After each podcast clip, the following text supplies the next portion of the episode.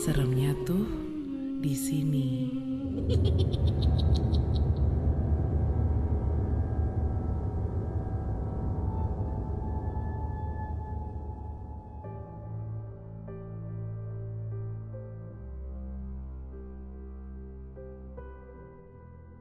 Malam itu gue lagi teleponan sama pacar gue Lita.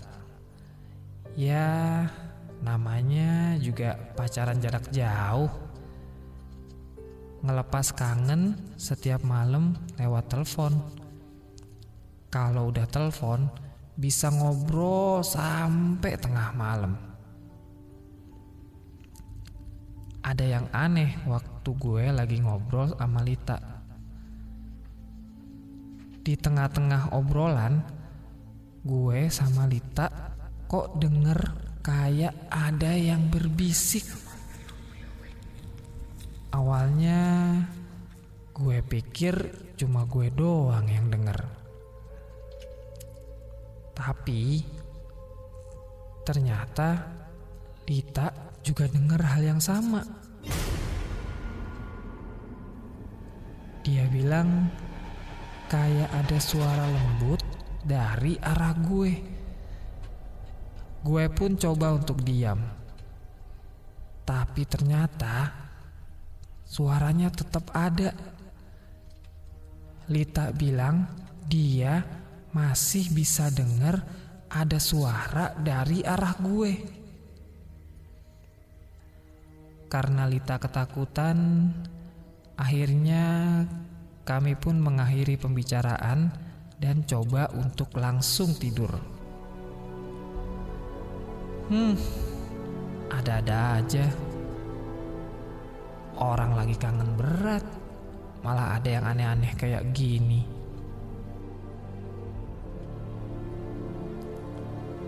Waktu coba pejemin mata, gue denger ada bunyi aneh dari arah lemari baju yang letaknya di ujung ruangan. Pintu lemari gue tuh kayak berderit. Awalnya gue bisa cuek. Tapi lama-lama tuh suara kok makin kenceng. Pelan-pelan gue turun dari kasur dan ambil tongkat baseball yang ada di dekat jendela. Perlahan gue jalan ke arah lemari. Dan pintu lemari gue buka. Ternyata gak ada apa-apa. Gue pikir tikus. Ternyata bukan. Gue balik lagi ke kasur tanpa mau mikirin bunyi apa yang aneh tadi. Dan tidur. Besoknya gue bangun kesiangan. Jam 10 pagi gue baru bangun. Nyokap bilang, gue tidurnya pules banget, kayak orang kecapean. Dibangunin, tetap aja nggak bangun-bangun. Ya udah deh, dibiarin aja sama nyokap sampai gue bangun sendiri. Waktu gue keluar kamar, gue lihat nyokap lagi ngepel. Tumben. Padahal biasanya Bibi udah ngepel kalau pagi.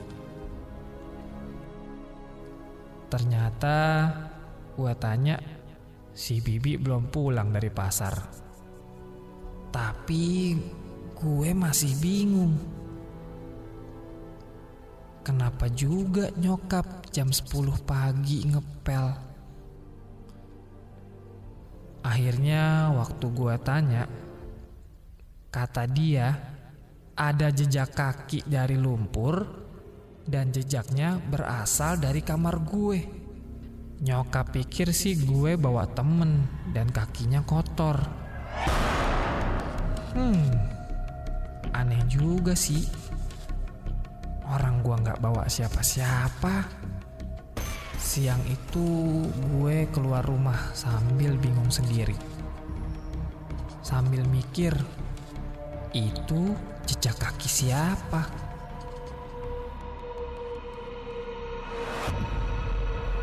Gue pulang ke rumah sekitar jam 10 malam. Baru sampai ke dalam rumah, nyokap bilang, "Tadi sore ada cowok nyariin gue." Dan katanya, cowok itu tahu alamat rumah ini juga dari gue.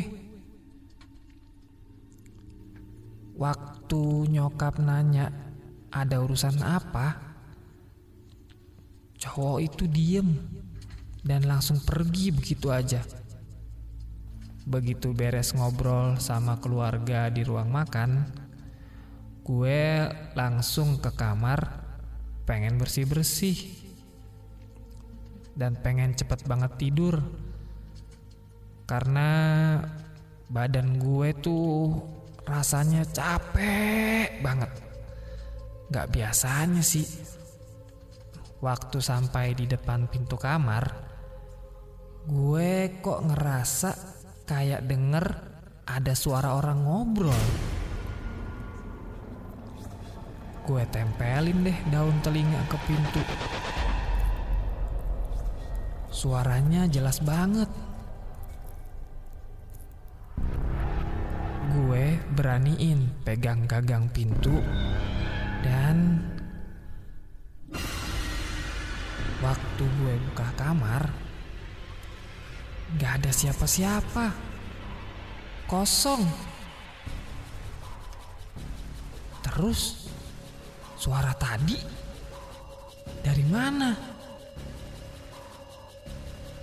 Malam itu, nyokap juga gak nyalain TV. Huh, ada-ada aja. Baru aja gue rebahan Gue denger lagi suara berderit dari dalam lemari baju.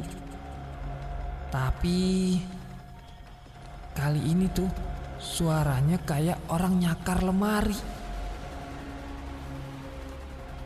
Gue berusaha nggak takut. Tapi tetap aja takut. Mana bulu kuduk gue ngedadak merinding lagi.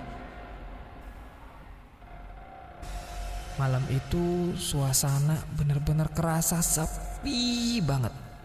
Gak biasanya. Tiba-tiba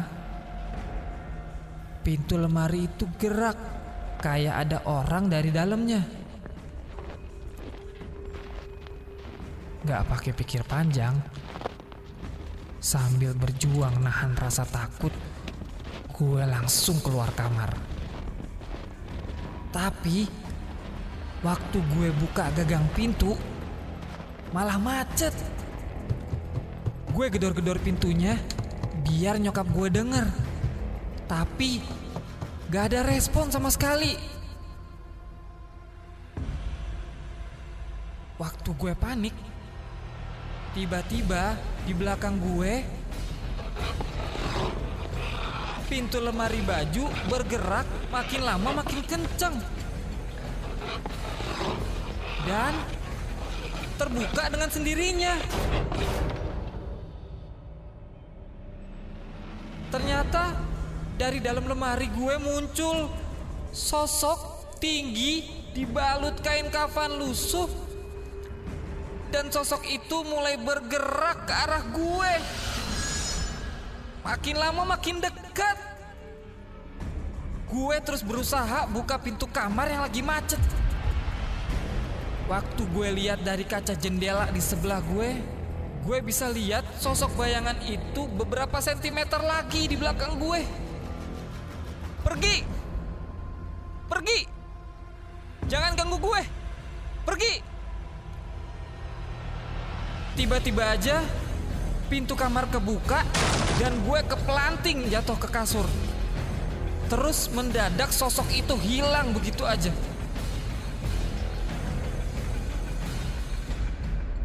Sekarang yang ada di depan gue bokap, nyokap, dan kakak lelaki gue yang nanya kenapa gue teriak-teriak. Terus pintu kamar gue kenapa susah banget mau dibuka. Besok harinya, bokap ngajak gue untuk nemuin seorang tokoh agama. Dan beliau nyaranin supaya ada pengajian di rumah gue. Dan malam itu kami pun mengadakan pengajian di rumah. Hingga beberapa bulan kemudian, setelah selesai teleponan sama pacar gue Lita, tiba-tiba lemari baju gue berderit kayak dulu lagi.